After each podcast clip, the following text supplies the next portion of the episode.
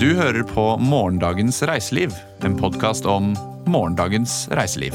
Med programleder Andreas Weier Osvold.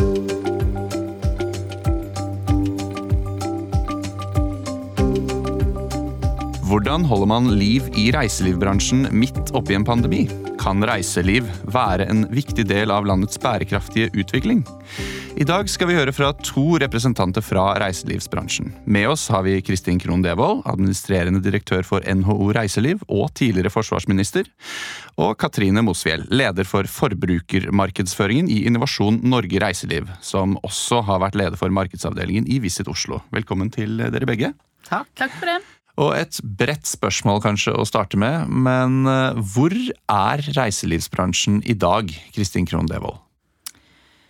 Vi er jo i den verste krisa noensinne, og jeg tror jeg vil sette det i nasjonalt perspektiv i å si at i 1918 hadde Norge spanskesyka. Dette er spanskesyka 100 år etterpå. Det tok et par år før Norge kom seg igjen den gangen og vi er også der i dag. Og så er reiselivet den bransjen som er aller hardest truffet. Eh, og det betyr at reiselivet er i en forferdelig situasjon, men har utrolig mange dyktige mennesker som prøver å holde håpet og motet oppe. Jeg har ikke så mye å legge til det. Det var veldig godt oppsummert av situasjonen. Før eh, korona traff, hvor var reiselivsbransjen da, tenker du? Reiselivsbransjen er jo en stor og viktig bransje for Norge. Den sysselsetter før pandemien, ca. 175 000 mennesker direkte, og mange mennesker indirekte i tillegg gjennom de som bygger hotellene våre, de som dyrker maten gjestene våre spiser, etc. Ehm, det er Norges eh, tredje største eksportbransje, faktisk, med massive tilganger av, av internasjonal kapital gjennom eh, eksport av reiselivsopplevelser. Så, og en viktig, viktig næring for distriktene, selvfølgelig, men også for byene.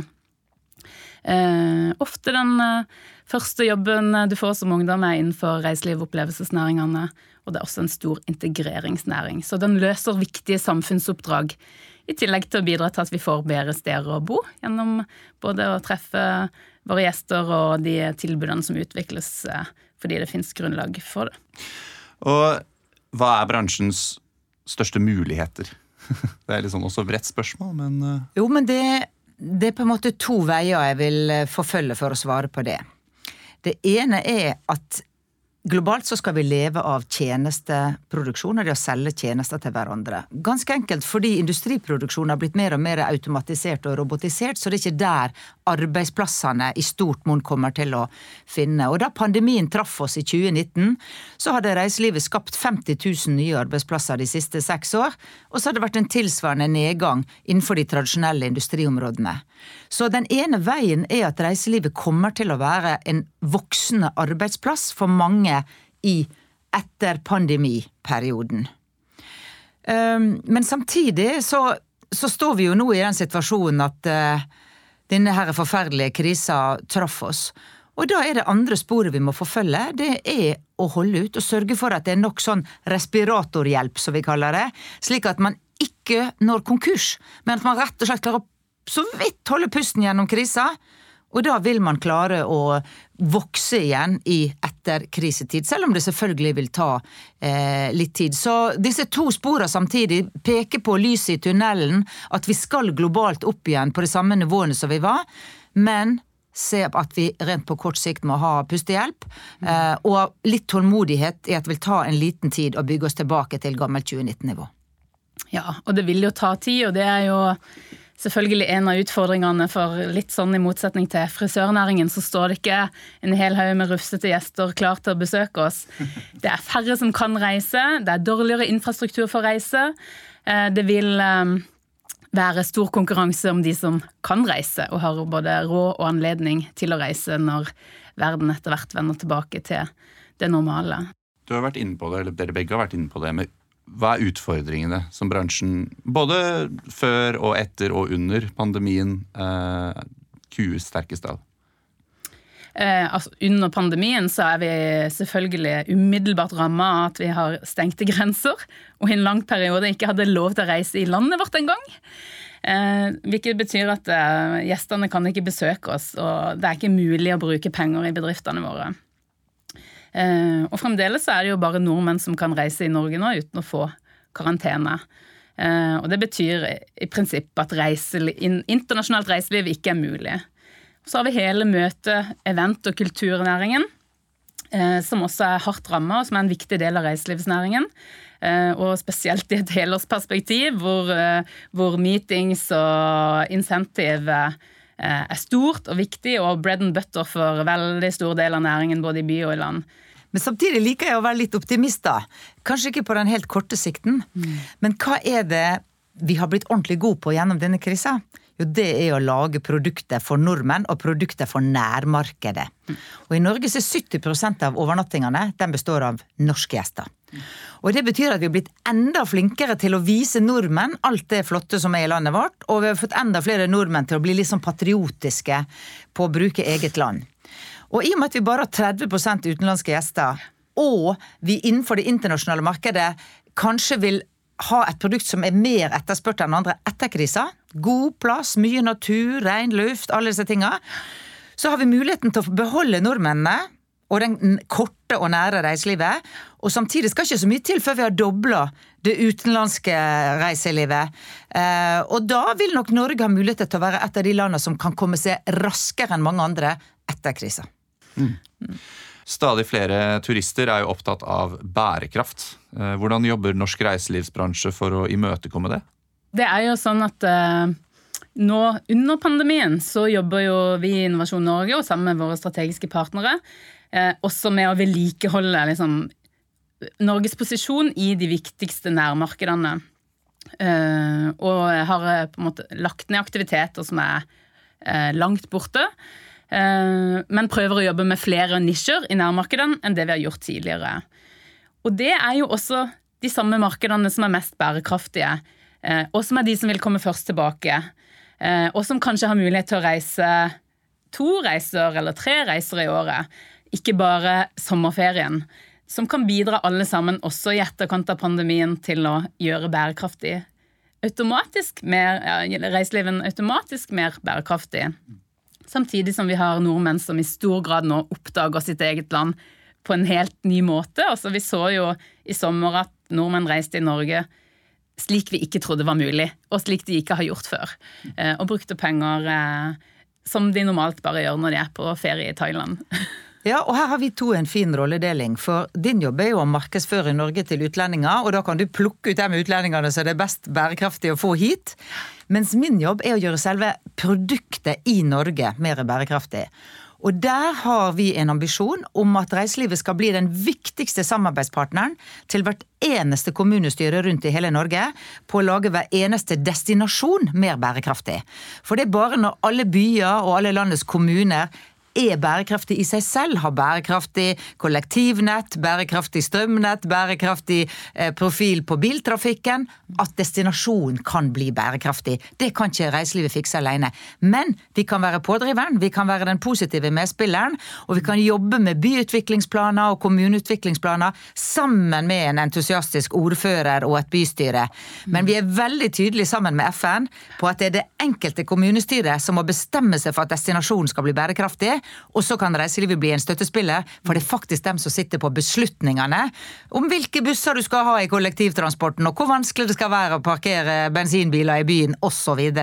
Men for turistene så, og for norske reisende så er det klart at det blir mer og mer attraktivt å reise til reisemål, til steder som du vet har en bærekraftig hverdag. Ja, og det er veldig viktig det du sier nå. Vi har jo i Innovasjon Norge over mange år jobba med merket for bærekraftig reiseliv.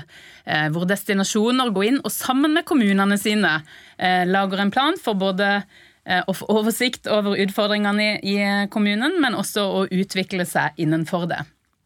Og allerede nå så er det 100, mer enn 100 kommuner som er i prosess sammen med Innovasjon Norge for å, og, og sitt lokale reiseliv for å utvikle bærekraftige reisemål.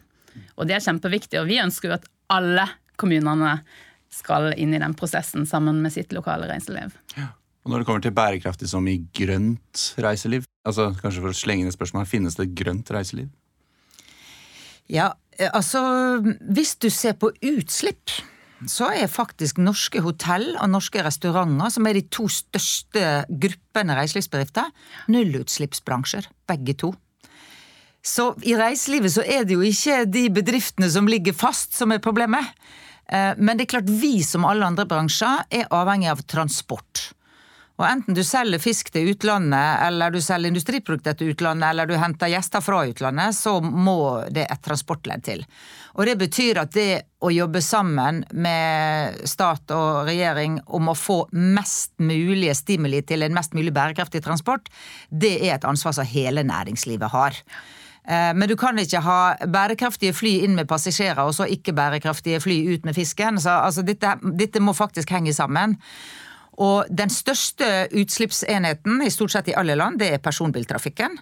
Så bare det norske regjeringa har gjort nå med elbiler, er et veldig viktig første steg. Så ønsker jo vi at det skal være eh, elferge og elbusser, og hvis du tar alle disse ledda i tur og orden, og du er det første landet i verden til å introdusere elfly på korte strekninger, ja, da vil Norge få verdens mest bærekraftige transportsektor, og det vil være veldig viktig for helheten på reiselivsavtrykket. Så er det kanskje interessant å eh, At man blir litt sånn eh, tvangs... Eh, miljøtilpassa av koronakrisa, nettopp med disse tingene som skjer med transport. Og vi har jo også hatt utfordringer med cruiseturisme og overturisme en del steder, som eh, kanskje også nå får litt eh, hjelp av korona. Ja, For det finnes overturisme i Norge også, liksom? Altså, sånn det har jo vært enkelte utvalgte steder som har i noen få uker i året hatt eh, veldig mange mennesker.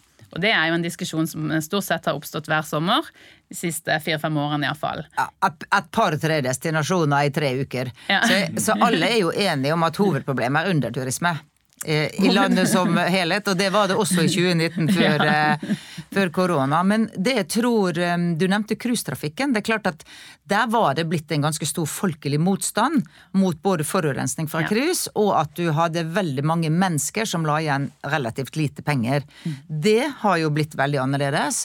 Og det at mange steder nå har sett at de kan ha ganske god trafikk uten cruise inn ja. i bysentra og inn til forskjellige destinasjoner, har nok vært et stimuli også for mange ordførere da, til å være litt mer restriktiv på hvor mange cruiseskip de slipper inn på hver destinasjon. For dette kan man faktisk bestemme lokalt.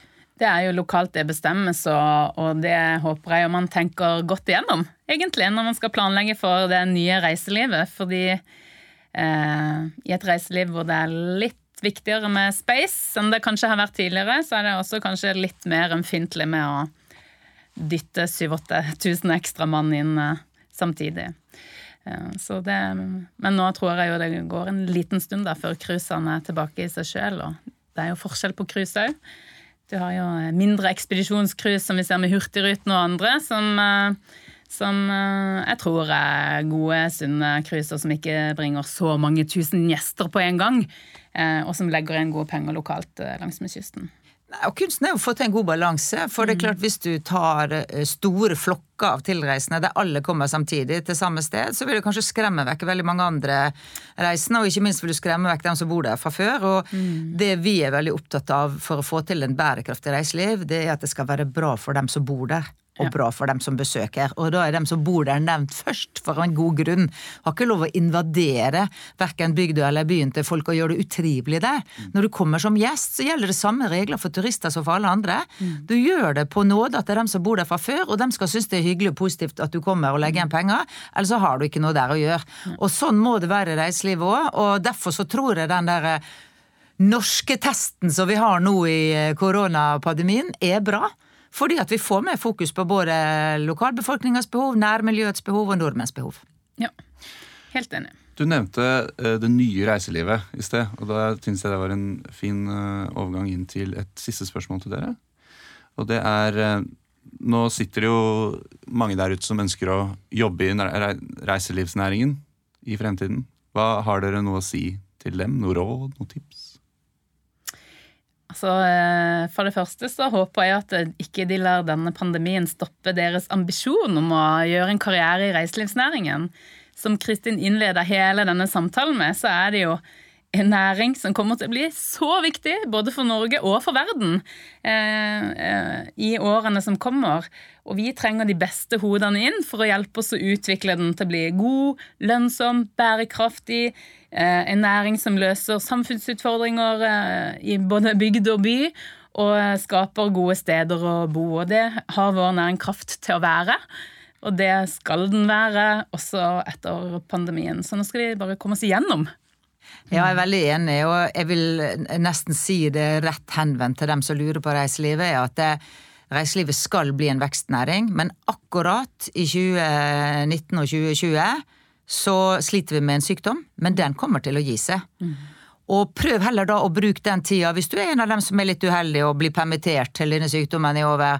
Benytt deg av noen av mange kurs som er laga, utdanningstilbud eh, som er laga i samarbeid med bedriftene, og som nettopp er ment for å fylle dagene med meningsfulle aktiviteter mens vi venter på at sykdommen skal gi seg.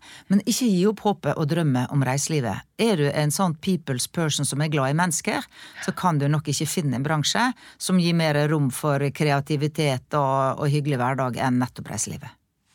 Amen. Mm. Og ikke minst eh, miljøbevisste unge som ønsker å være i reiselivsbransjen. Ja, de finner sin plass der også. De finner sin plass, og vi ser jo det hvem er det vi rekrutterer? Og vi rekrutterer masse fra Folkehøyskole og videregående skole med friluftslinje. For hva er det de drømmer om? Jo, mange av dem vil inn, de vil bli guidet, de vil jobbe i distriktsreiselivet vårt. Og, og, takk og pris at vi har den tette kontakten med natur og friluftsliv. Og det er kanskje hovedproduktet i alt distriktsreiselivet vårt. Ja, og disse aller grønneste av sjelene de trenger vi jo på for å være med og, og dra denne næringen eh, i, i, den retningen den skal. Og vi er mange som jobber der nå, og vi trenger påfyll av mennesker som vil eh, bidra til at næringen blir eh, bærekraftig og god. Tusen takk til dere, Kristin Krohn Devold og Katrine Mosfjell.